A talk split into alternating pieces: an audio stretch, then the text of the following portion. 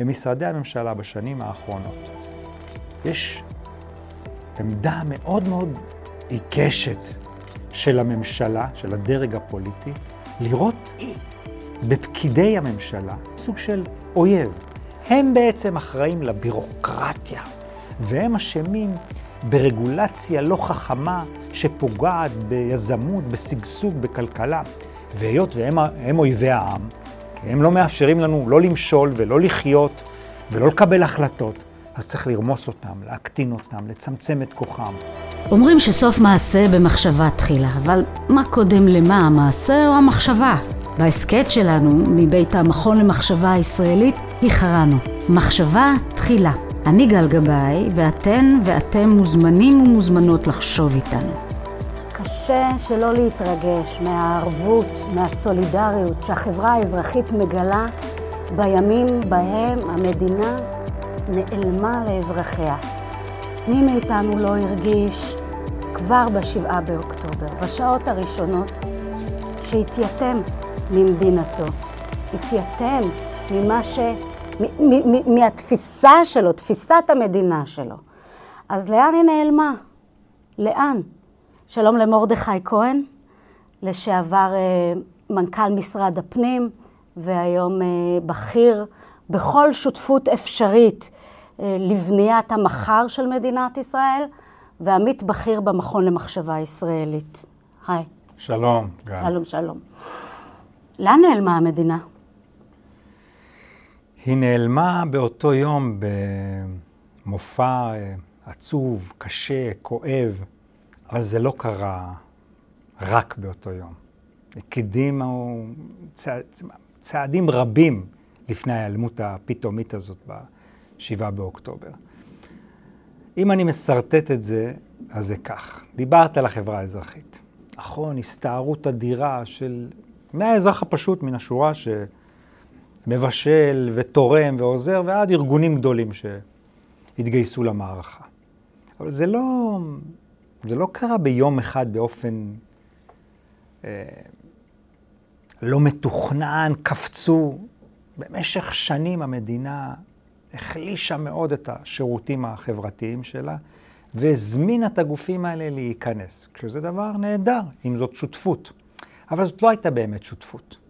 זאת מדינה שהתפרקה מהנכסים שלה, הפריטה את עצמה לדעת, ובחלק מהמקרים, אם זה לא הלך למגזר פרטי, זה הלך למגזר שלישי, לאותם ארגונים חברתיים.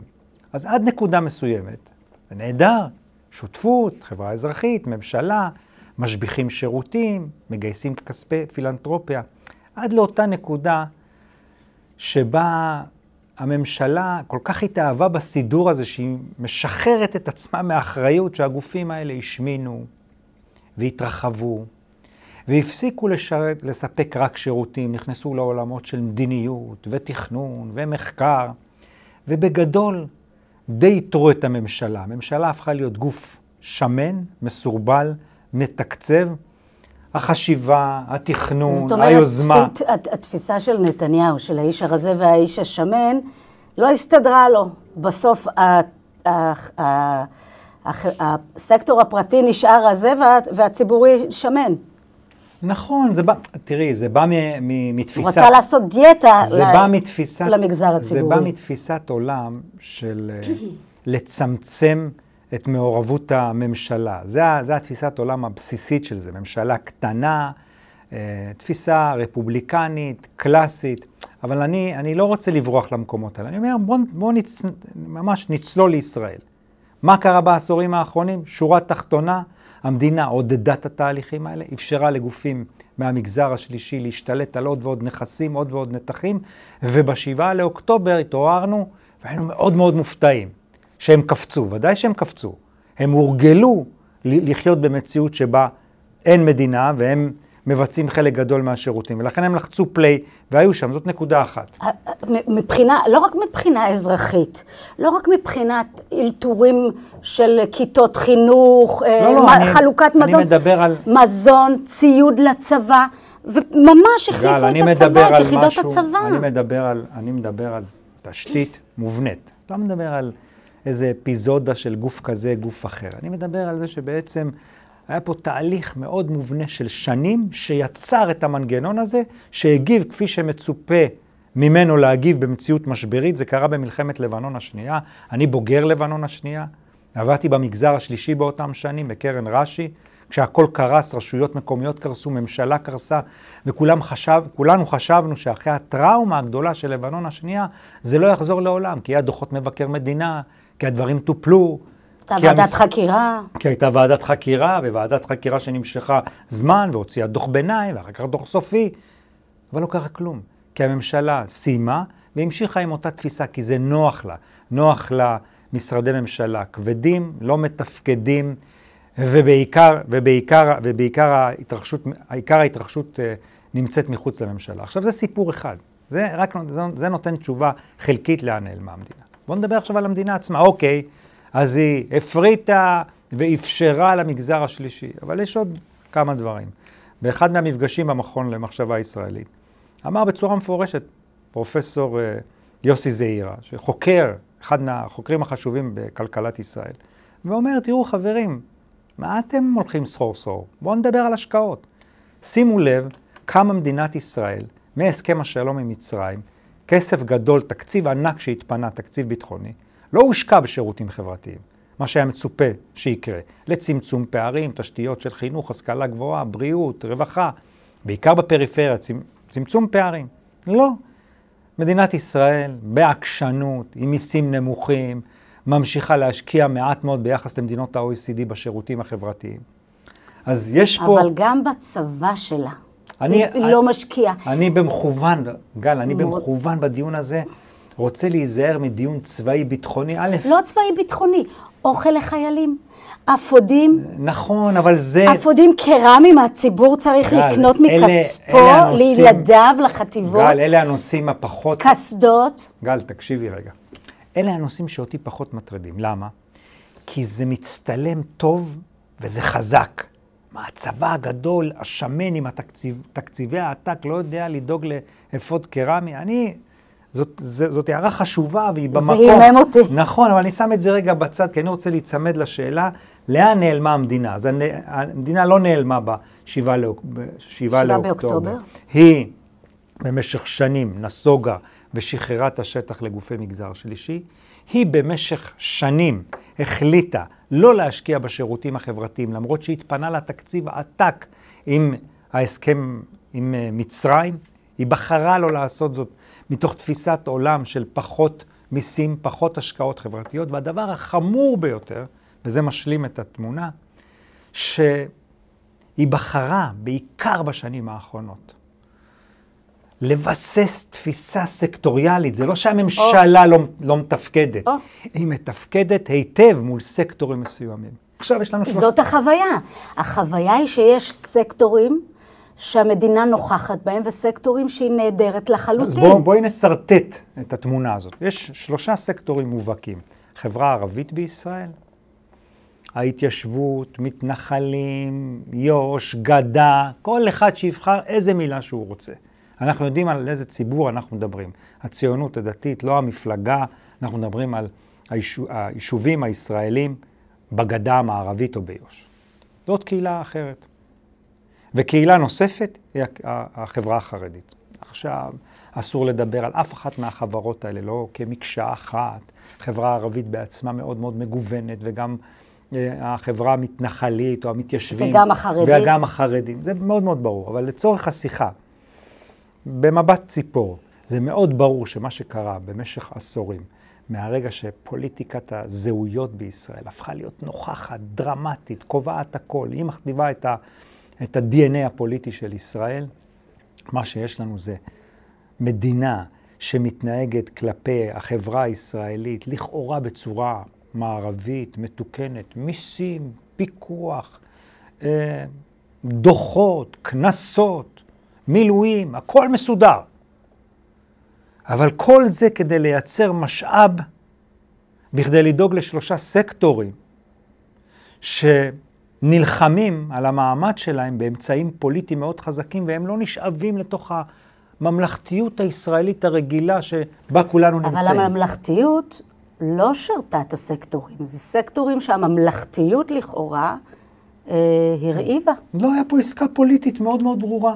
מי שרוצה... אבל, אבל עוד לפני, לפני דישון הסקטורים האלה, כן, אמרתי. אלה סקטורים מורעבים. אמרתי קודם בצורה מפורשת שהמדינה, החטא הראשון שלה זה צמצום ההשקעה בשירותים החברתיים. צמצום ההשקעה בשירותים החברתיים, המשמעות היא הגדלת הפערים ויצירה של לא כיסי עוני, קבוצות שלמות, חברות שלמות שמידרדרות לעוני, לא חיות בשוויון הזדמנויות, לא מתאפשר להם, לא מוביליות uh, חברתית, לא מוביליות תעסוקתית. והקבוצות האלה, ומתוך, מכיוון מתוך שהקבוצ... הקבוצות האלה נוצרה הפוליטיקה הסקטוריאלית. ודאי, מכיוון שהקבוצות האלה נדחו לשוליים של החברה הישראלית, הבינו שהממלכה לא רואה בהם חלק מהמשחק, הגיבו בפוליטיקה של זהויות, תרגמו את זה להון פוליטי, והיום בעצם מי שרוצה למשול ולשלוט צריך להתחבר לאחת מהקבוצות האלה, כי יש להם כוח, כוח. פוליטי. אם אנחנו רוצים לשרטט את התמונה, בהמשך לשאלה שלך, אז בשבעה לאוקטובר היה מופע אלים, אכזרי כלפינו, קשה מאוד. אבל מה שקדם זו התשתית הזאת שתיארתי. נסיגה של המדינה מאחריות, יצירה של קבוצות מודרות, מוחלשות, פריפריאליות בכל מובן, הבנה שלהם שכדי לשרוד הם צריכים כוח פוליטי, תרגום הכוח פוליטי שלהם למשאבים, סדרי עדיפויות, גלגל שמזין את עצמו, התפרקות של הממשלה, פחות השקעה בשירותים החברתיים, השקעות סקטוריאליות בלבד, זה לא משנה אם זאת ממשלת השינוי מנסור עבאס או ממשלות ימין עם, אה, עם המפלגות החרדיות והציונות הדתית, והתהליך שמתרחש במקביל של חיזוק המגזר השלישי, והנה לנו פתאום שהקרקע נשמטת ומושכים לנו את השטיח, כל הריקבון, הכשל העמוק, המבני הזה, מתפוצץ בפנים, ואז אנחנו שואלים, לאן נעלמה המדינה? זו הסיבה, היא נעלמה, היא לא קיימת. היא לא יודעת להגיב כבר לסיטואציות האלה. עכשיו תראי, זה לא, זה לא שמספיק לענות על השאלה לאן נעלמה המדינה. צריך להבין מה הביטויים של זה. כי בסוף זה לא מנכ"ל משרד ראש ממשלה שמגיע לאיזשהו ראיון מביך בתקשורת, זה לא הסיפור. הסיפור הוא שבמשרדי הממשלה בשנים האחרונות יש עמדה מאוד מאוד עיקשת. עיקשת של הממשלה, של הדרג הפוליטי, לראות בפקידי הממשלה, שזה בעצם הממשלה, הממשלה זה משרדי הממשלה שמספקים שירותים לאזרחים, לראות בהם סוג של אויב. הם בעצם אחראים לבירוקרטיה, הם אחראים ל... והם יעשו מה שאנחנו הדרג ה... זה השלב הבא, דבר ראשון צריך להאשים אותם. הם אשמים בבירוקרטיה אינסופית, והם אשמים ברגולציה לא חכמה שפוגעת ביזמות, בשגשוג, בכלכלה. והיות והם הם אויבי העם, כי הם לא מאפשרים לנו לא למשול ולא לחיות ולא לקבל החלטות, אז צריך לרמוס אותם, להקטין אותם, לצמצם את כוחם. ובמקביל להגדיל את כוחם של הפוליטיקאים, של הדרג הנבחר. שימי לב שזה חוזר על עצמו, הדפוס הזה כמעט בכל מערכת. רוא, מזהים בפקידים. מה זה פקידים? בואו בוא, אנשי מקצוע. נאמר את זה בשפה פשוטה. מקצוענים, המקצוענים. בדיוק. באותו דיון במכון למחשבה כן. הישראלית, אמר תומר לוטן, מנכ"ל משרד לביטחון לשעבר, שנשאל את השאלה, אמר את זה בצורה מאוד פשוטה. שרטטו לכם דרג נבחר אל מול דרג מקצועי. יש משהו מאיים מאוד במקצועיות. למה? כי מקצועיות דורשת קריטריונים, שקיפות, שוויון, ואז תכנון. אפשר, ואז אי אפשר לפנק את אנשי או, שלומנו. אי אפשר, זה בלתי אפשרי. לא את הסקטור ולא את אנשי שלומך. אז יש עימות. כדי שיהיה לך טיעון חזק בעימות הזה, אתה אומר, לא, איזה מקצועיים ואיזה נעליים, הם לא מאפשרים לנו למשול, הם בירוקרטיים, הם כבדים, הם משפטנים. עכשיו שימי לב איך התמונה הולכת ונסגרת עלינו. זו הסיבה להפיכה המשטרית, להגדיל את כוחה של הממשלה ככוח עודף. ממשלה לא במובן של פקידים, ממשלה במובן של דרג נבחר. להחליש את מערכת המשפט שמפקחת על הממשלה. גם כנסת, לא בצורה טובה, מי יודע מה. בצורה מאוד מאוד חסרה, אני אומר עוד פעם, הביקורת החריפה שלי על בתי המשפט, שהם היו פחות אקטיביסטים ופחות אקטיביים. בעיקר. בנושאים החברתיים ובשאלות של שוויון וכולי. וודאי שאין לנו כנסת. היא כבר מזמן נרמסה, היא חלשה, היא נשלטת על ידי הממשלה באופן טוטאלי. אז במציאות מהסוג הזה, שבו הפקיד הוא האויב, הוא האויב. הוא לא מקצועי, הוא האויב, הוא מפריע לבצע את הפעולות האלה. אנחנו רואים בממשלה האחרונה, הנוכחית, מה הביטוי של זה? איך נראה התקציב, סדרי עדיפויות, מה זה אומר שסקטורים משתלטים בצורה הבולטת ביותר על סדרי העדיפויות ועל הקו שהממשלה מכתיבה. אז אנחנו מתפלאים, מתעוררים לאותה שבת שחורה ושואלים באמת, איפה הממשלה? ברור שהממשלה לא מתפקדת. היא לא יודעת לעבוד כבר, כי במשך כמה שנים גלים שלמים של עובדים איכותיים ברחו מהממשלה, כי ברגע שאני מגיע והתגמול כעובד ציבור, משרת ציבור, כפקיד בממשלה, הוא לא תגמול, הוא לא שכר גבוה ביחס למגזר הפרטי או למגזר השלישי. אבל אני מגיע כי יש סיפוק והשפעה ושליחות. אבל אם אני מגיע, ומה שנאמר לי מהבוקר עד הערב, אתה אויב, אתה האיש הרע, אתה לא מאפשר למשול, אז, אז זה מאוד מאוד מאוד ברור שהדה-לגיטימציה הזאת, מה שהיא יוצרת זה בריחה המונית של אנשים איכותיים וכניסה של אנשים פחות איכותיים, כולל מקורבים, שפוגעים ומדרדרים את השלטון, את... כי uh... המופע הוא באמת של חידלון, של חוסר מקצועיות. זאת אומרת, אנחנו מספיק זמן אחרי השבעה באוקטובר, הייתה איזו ציפייה לראות את מוסדות המדינה מתאוששים ופועלים, אבל אתה רואה אותם במבוכה מול, מול העולם, מול המציאות. אבל צריך לומר בכנות, גל, שהתמונה היא קשה מאוד, והסברנו את השורשים שלה, כן? ברגע שאין פקידות מקצועית, ברגע ש... הממשלה בורחת מאחריות ואין השקעות. ומשרדי הממשלה, כשאין פקידים מקצועיים זה אומר שאין תכנון ארוך טווח, אין חשיבה רב-שנתית, אין חשיבה על רפורמות, רפורמות מבניות, הכל זה שוטף, נרקומנים לשוטף, משרדים שקמים בבוקר ומכורים לדרמות.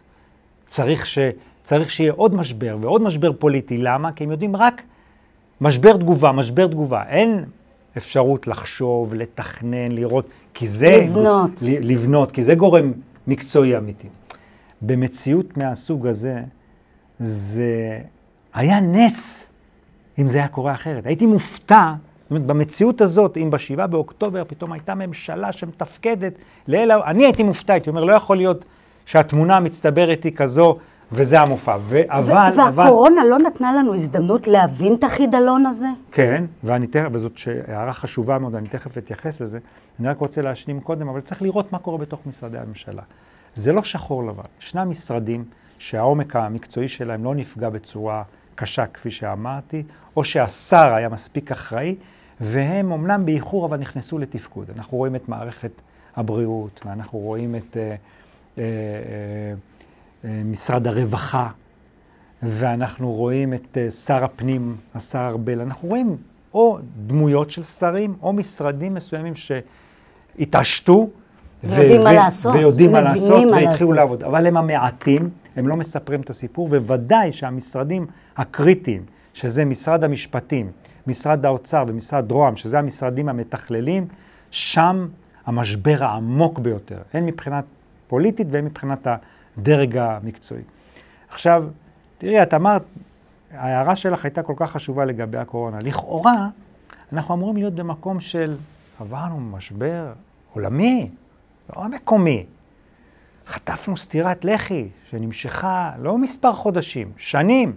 היינו כבר אמורים להיות, לעמוד על הרגליים, להבין מה זה אומר ממשלה לא מתפקדת, איך בונים מערכים, איך עושים את זה בצורה כזאת שזה יעבוד. אני חושב שאת התובנה הכי חשובה לא חילצנו מהקורונה. ובסוף, מה תפקד בקורונה? מערכת הבריאות. מערכת הבריאות והשלטון המקומי. בעצם איפה התגלתה המנהיגות האמיתית? בשלטון המקומי, ראשי רשויות.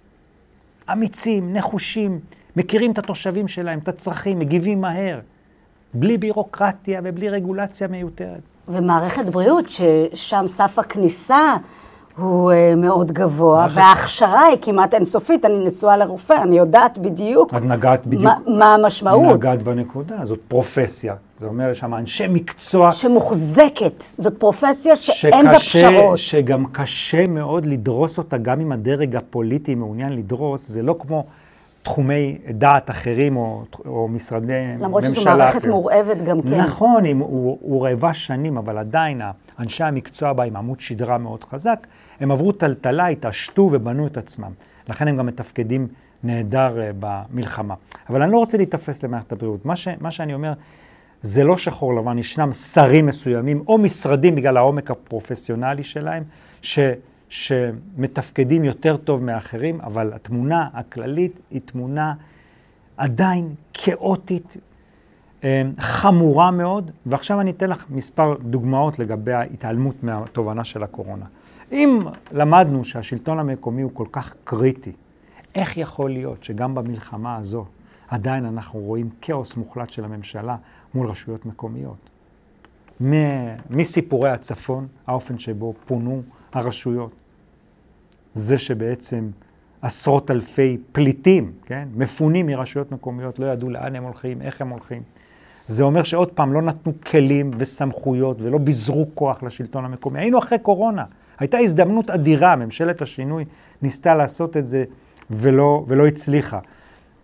יש חשיבות עליונה בלחזק את השלטון המקומי, לבזר לו סמכויות, לתת לו כוח, כי למעלה, כמו שאמרנו, העניינים לא פועלים כפי שצריך, ההתמסרות לסקטורים, החולשה, יותר אבל מזה... אבל הלמעלה עושה הכל כדי לרכז את כל הכוח אצלו. ודאי. שוב, כמו שאתה ולכן... אומר, בעיניי בצדק, כפי שהרפורמה שואפת לכונן.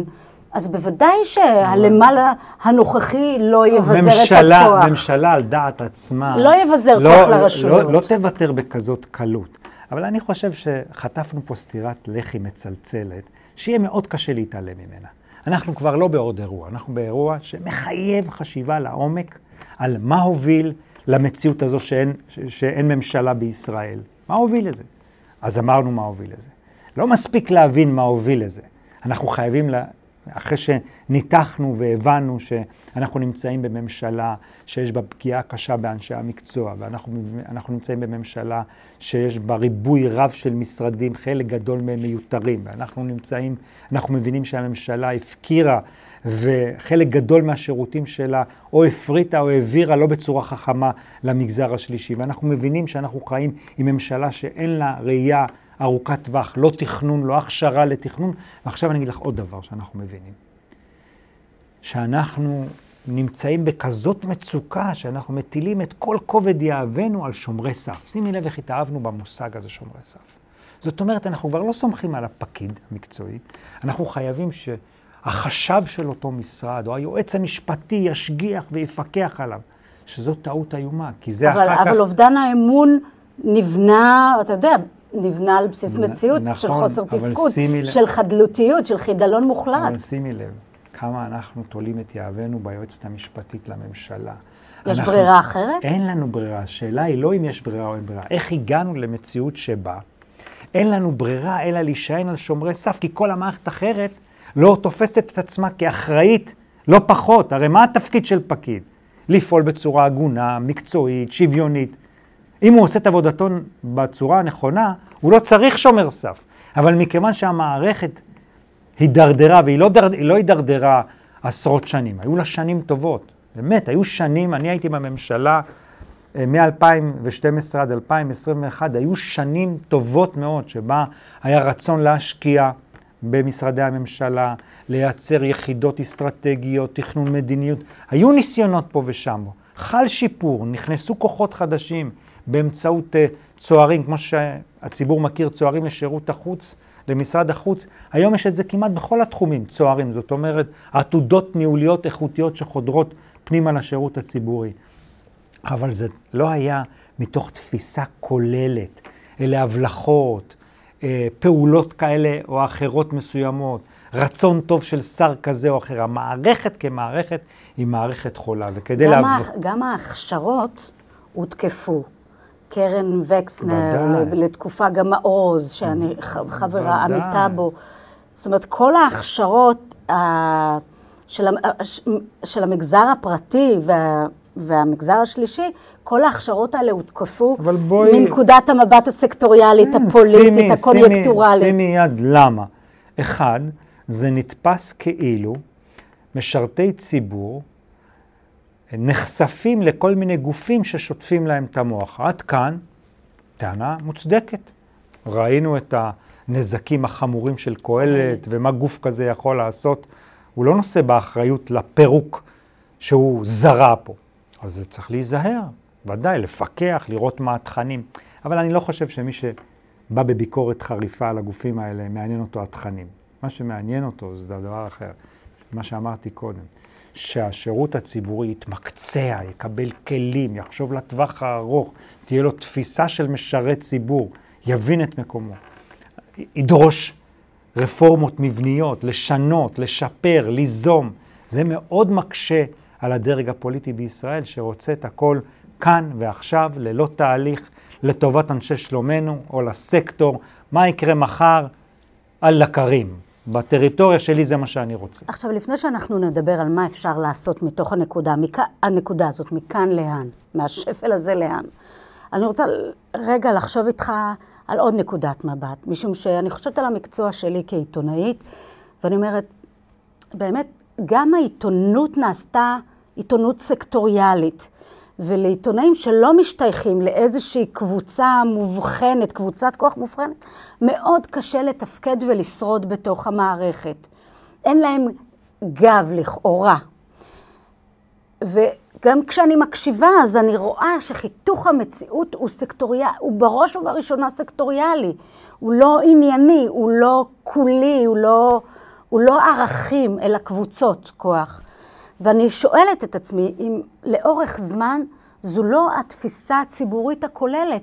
הראש, התודעה הכללית הציבורית, חותכת את המציאות רק באופן הזה, ואין לה את המשקפיים לטעמי, הנכונות או המתאימות לחתוך עוד סוגים של חיתוכים. לטעמי, גל, זה מחטף שהציבור לא מודע לעוצמה שלו. מכיוון שהוא מתחבר לאותו סנטימנט, כן, אבל הקבוצות האלה היו מודרות שנים, השלטון פגע בהן. שזה נכון. זה לא סותר. ודאי שזה נכון, ודאי שיש בישראל קבוצות מודרות, מוחלשות, שממשלות ישראל, לא אחת ולא שתיים, במשך שנים רבות אה, פגעו באותן קבוצות. השאלה אם הפתרון הוא פוליטיקה של זהויות. אני חושב שזה פתרון הרסני. כי מה שקורה עם אותן קבוצות, שלכאורה עכשיו נהנות מאיזשהו מעמד, כי יש להן כוח פוליטי, זה שבעצם הן מחריבות את העתיד שלהן ומחריבות את העתיד של כולנו. ואני אסביר למה, וזה כבר מביא אותי לפתרונות.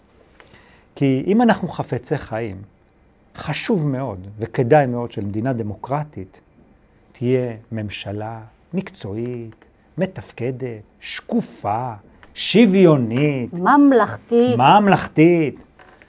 כי אחרת נגיע לתוצאה של השבעה באוקטובר, שקורה איזשהו זעזוע חיצוני ונקרעות המסכות, אנחנו רואים לאיזה ביבים אנחנו הידרדרנו ולאיזה תהום, לאיזה אסון. וכדי שממשלה כזאת תקום, מבחינת הפקידות שלה, היא צריכה לקבל לגיטימציה פוליטית. זאת אומרת, ההרכב הקואליציוני של הממשלה הבאה, אם אנחנו רוצים באמת לתקן, צריך להיות כזה שהוא לא רק מדבר מהשפה ולחוץ בשפה ממלכתית ישראלית רדודה ושטחית שמתאימה למעריב לנוער. לא, זה צריך להיות עמוק מאוד. זה אומר, אנחנו, אם אנחנו חפצי חיים, אנחנו צריכים לבנות פה מדינה ישראלית, דמוקרטית, כזו שהממשלה שלה היא ממשלה לא עם ריבוי משרדים מצומצמת, מתוכננת נכון, עונה על התחומים ועל הצרכים האמיתיים של החברה הישראלית ומתחילה לפרק באופן שיטתי את הסקטוריאליות ואת פוליטיקת הזהויות. למשל, למשל, אני תכף אסביר איך, אבל אני אתן דוגמה. למשל, קחי את מערכת החינוך. יעלה על הדעת שאנחנו נמשיך לקבור את עצמנו באותה סקטוריאליות, זרם כזה, זרם כזה. מתי יגיע היום שבו ממשלה תכריז שהחינוך הוא השדה החשוב ביותר, חינוך והשכלה גבוהה, כי זה הכלי המרכזי למוביליות חברתית ותעסוקתית, וללכידות חברתית, ול-DNA ישראלי. כל כך הרבה מוטל על הכתפיים של המערכת הזאת, וכדי שזה יקרה, להגיד, תם ונשלם הטקס. יש חינוך ממלכתי ישראלי בלבד. ערבים, חינוך ממלכתי ישראלי. חרד, חרדים, חינוך ממלכתי ישראלי. ציונות דתית, נגמרו הזרמים, לפרק ולבנות מחדש מה, את המערכת. ת- תפרק. כוללים, תפרק ישיבות. ודאי, לא, לא צריך לפרק כוללים וישיבות, צריך לומר דבר אחד, כולם תחת החינוך הממלכתי הישראלי. מה המשמעות של זה? לקבוע כללים של מה זה אומר חינוך ממלכתי ישראלי, מה הוא כולל ומה הוא לא כולל, במה יש גמישות ובמה אין גמישות, אבל אין זרמים. אין משרד בתוך משרד. זה יישמע לציבור משעמם, מה זה חשוב? לא, זה חשוב. כך זה נראה. ברגע שאתה מגיע למשרד, ויש משרד בתוך משרד שהוא מתנהל אה, באופן נפרד, עם תקציבים משלו וקריטריונים משלו, ככה נולדים הפערים, ככה מתפרקת הישראליות, ככה מתפרקת הלכידות, ככה אנחנו מחזקים את אותה סקטוריאליות. יותר אבל- מזה, רגע, בוא, יותר. אבל אני רוצה לאתגר אותך בנקודה הזאת. מה לי, נגיד, אני אה, חיה חיים חילוניים, אני בין, בין מסורתית לחילונית, אני לא יודעת איפה לשים, אני על הרצף המסורתי. מה לי ולחינוך החרדי? אני יכולה לקבוע להם? אני, אני מכירה לא, לא, אני את לא, ה... גל, אני לא מדבר על לקבוע, אני לא מתכוון לנהל עוד פעם אה, כל פיפס. אמרתי קודם, יש פה שני מהלכים שצריכים להתבצע. פעם אחת, שתהיה מערכת חינוך ממלכתית ישראלית, פעם שנייה, לאפשר לקהילות השונות, באמצעות השלטון המקומי, זה מה שאמרתי קודם. ברגע שאתה מבזר את הכוח לממשלה, יהיו דברים שיתבצעו ברמה המקומית. אבל המסגרת הכללית תהיה ממלכתית ישראלית, התקצוב, הקריטריונים יהיו אחידים, לא יהיה את מה שקורה היום, חצרות אחוריים, פוילשטיק. עכשיו אני אומר לך יותר מזה, זה לא רק זה, זה לא רק מערכת החינוך או יתר משרדי הממשלה שצריך לצמצם את המספר שלהם, להבנות אותם. יש פה גופים שצריך לפרק אותם ולבנות אותם מחדש. נציבות שירות המדינה. מה זה? זה פשוט מטורף. הגוף שאחראי על ההון האנושי בממשלה ובכלל בשירות הציבורי. אז אני אומר אז אני אומר לך מה צריך. צריך פה רפורמה כוללת בשירות הציבורי, וצריך רפורמה כוללת לביזור סמכויות וקידום רעיון של אזוריות בשלטון המקומי, להעביר את הכוח למטה ולחסל את התופעה הזאת של רשויות מקומיות מוחלשות שמקבצות נדבות מהממשלה, ליצור מצב של אזורים, אז. אז מה זה אזוריות? לצורך העניין, חולון, בת ים, תל אביב, כן. אה, רמת גן, גבעתיים, בני ברק, אנחנו אזור אחד? לא, זה אומר שאתה לא מאחד רשויות, אתה מייצר רובד שלטוני שכולל מספר רשויות מקומיות, משהו כמו 20 אזורים בישראל, יהיו שלושה, ארבעה מטרופולינים, חיפה, תל אביב, ירושלים, באר שבע, כמטרופולינים, והיתר אזורים שיכללו מספר רשויות מקומיות, ערביות ויהודיות, מועצות אזוריות ומועצות מקומיות, אבל אז יש יתרון לגודל, 300, 400 אלף איש, כולל האזור, ותהיה נציגות נבחרת לאזור. ואז שיושב יו"ר אזור כזה מול שר, יש לו כוח ומשקל, והוא יכול לתכנן אזורית ולחשוב אזורית ולהפיל מחיצות בין קצת קהילות. כמו אמריקה. להפיל מחיצות בין קהילות שונות, להתחיל לחשוב על, ה, על הרובד האזורי ולא על האופן שבו אנחנו מתנהלים היום 258 רשויות שמחציתן קטנות וחלשות והן אחראיות לאותם פערים.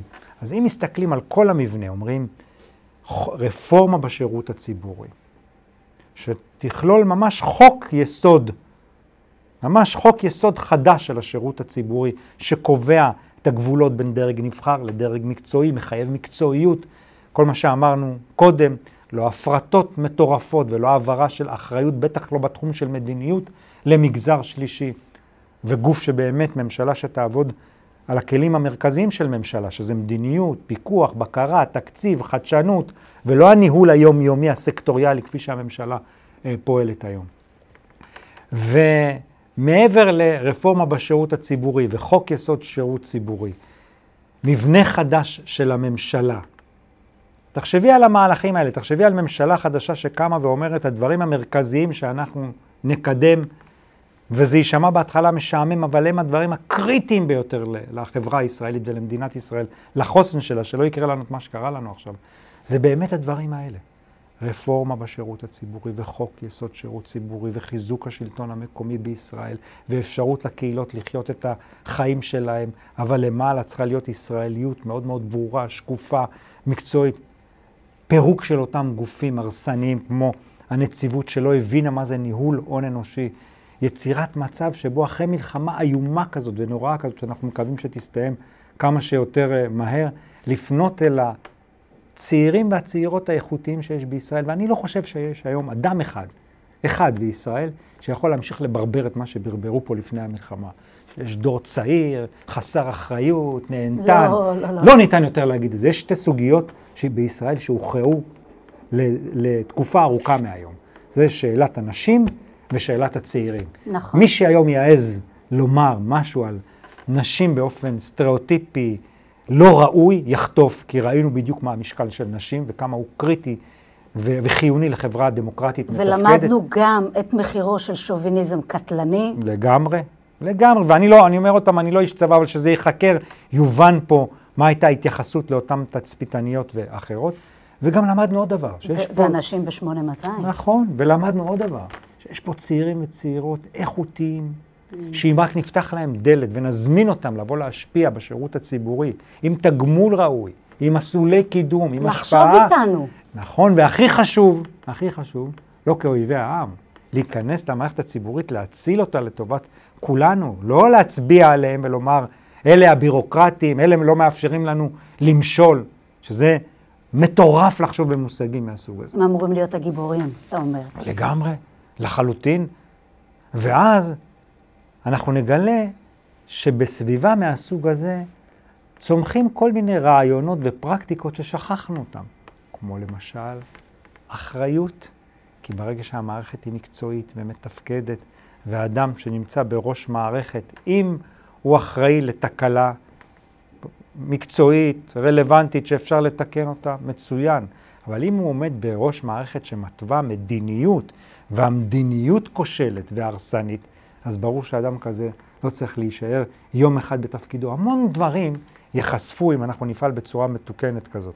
למשל, תכנון, לא יהיה חפלאפ, לא יהיה את הצורך ב- בלשחד באמצעות הסכמים קואליציוניים, כי יש מערכת שקופה, ישראלית, חושבת לטווח הארוך, חושבת שירותים ציבוריים, מגדילה את שיעור המיסים בלית ברירה, כי ככה פועלות מדינות מתקדמות, כדי להשקיע בשירותים. אם יש שירותים ואני לא צריכה להשלים אותם מההכנסה הפנויה שלי, בבקשה, אהלן וסהלן. אני אומר לך יותר מזה, אם המדינה חוזרת לאחריות, והיא לא מפעילה מדינת רווחה רק בסקטורים, אלא לכלל החברה הישראלית, אז מי צריך את המנגנוני תיווך האלה?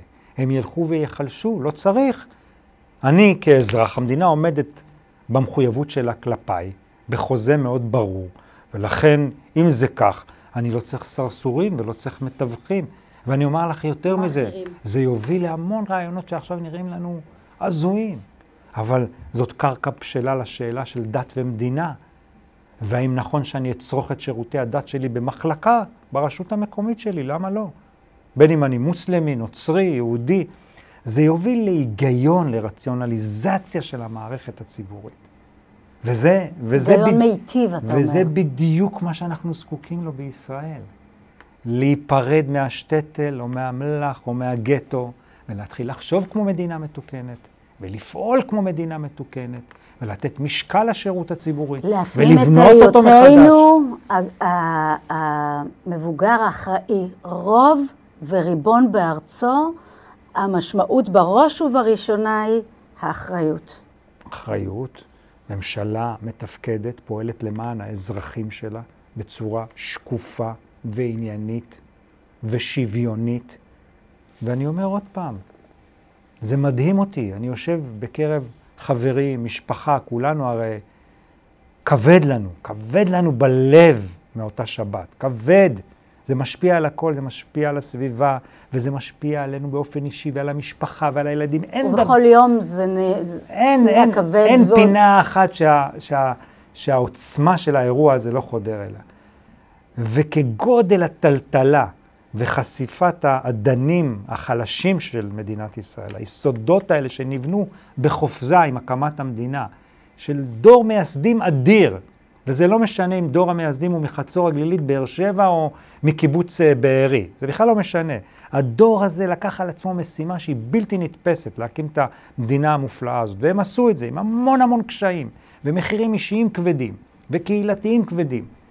אז מי הם, אנחנו שנאבד תקווה? מי אנחנו שנהרוס יצירת המופת הזאת, והיא הולכת ונהרסת בדור שלנו? מה בסך הכל הייתה האחריות של הדור שלנו? הם ניהלו את המלחמות הקשות, הורישו לנו מדינה שעומדת על הרגליים. הם עשו המון טעויות, אבל בסופו של דבר, הצלחה כבירה. מה אנחנו נדרשנו? סך הכל, לייצר מכונה שעובדת. הנה, קיבלתם. עכשיו, תנהלו אותה. תשכללו אותה. תנהלו אותה כמו שצריך. ותשכללו. כן, תן, אבל... ותתקננו. ת, ת, ת, תתאימו אותה לאתגרים, תהפכו אותה להגיונית, מקצועית, הגונה כלפי האזרחים שלה. מה ביקשנו מכם, מהדור הזה? ואנחנו נכשלנו. והיום יש הזדמנות לתקן. היום הדור, אותו דור צעיר, אחרי המלחמה הארורה הזאת, ועם הבנה שהמערכת הפוליטית לא יכולה להמשיך עם מה שהיא עשתה לפני השישה, לפני השבעה באוקטובר. השישה באוקטובר זאת מדינה אחרת, ואסור לחזור אליה בשום צורה.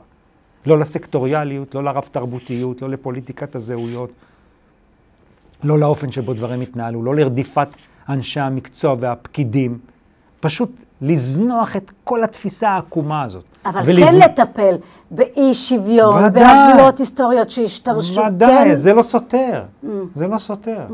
זה, זה, זה, זה בדיוק התפקיד של הדור שלנו.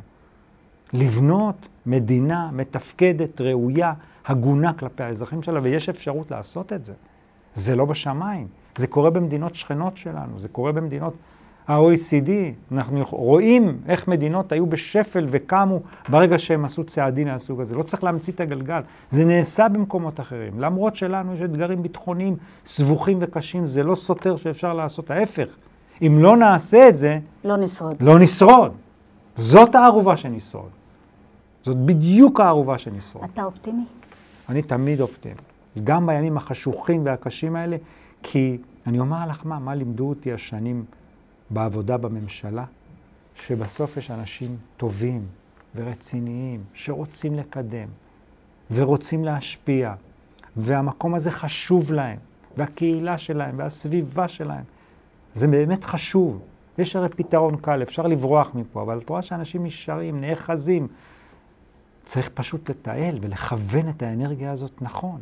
לא מצד אחד, לא באופן שטחי, כמו שהרבה פעמים שמענו מהמחנה הליברלי, הדמוקרטי, רעיונות שטחיים, לא עמוקים, פחד לעשות שינויים מבניים, לגעת בכשלים עצמם, וודאי לא הצד השני שמדהיר אותנו בצורה אלימה לאותה פוליטיקת זהויות הרסנית שראינו מה התוצאות שלה. אז לא זה ולא זה. פשוט דרך האמצע, אותה דרך מחייבת של בנייה מחדש של ישראל. לבנות מחדש את המערכות.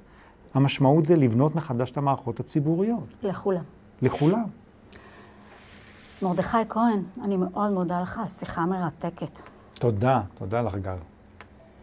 אוקיי, גל, סיימנו. אתם אה, מוזמנים להמשיך לשבת בזמן שאנחנו מתארגנים לפודקאסט הבא. בחוויה שלי, אני הולכת ומאבדת תקווה, אני מרגישה שקבוצת הכוח המנשלת חזקה משאר הכוחות. אבל תראי, יש לנו עסק עם שני בריונים. יש לנו את הבריון הישן, שלא מוכן להיפרד מכוח. יושב לו שם, וכל פעם מספר לעצמו סיפור, לא, זאת נגיסה קטנה, נגיסה קטנה. אני עדיין שולט בכלכלה ובאקדמיה, הבריון הזה שלא מוכן לשחרר. ויש מצד שני בריון חדש, שזה בריון הזהויות. שהוא אלים ותוקפני ושרוט ופגוע, כי הוא סוחב איתו את המודרות הזאת. אנחנו באמצע, תקועים בין שני הבריונים האלה. אנחנו הרוב, לנו יש את הכוח. זה כיתה של 30-40 תלמידים, ויש בה שני בריונים. שני בריונים שמכתיבים את הכל. בכיתה של 40 תלמידים.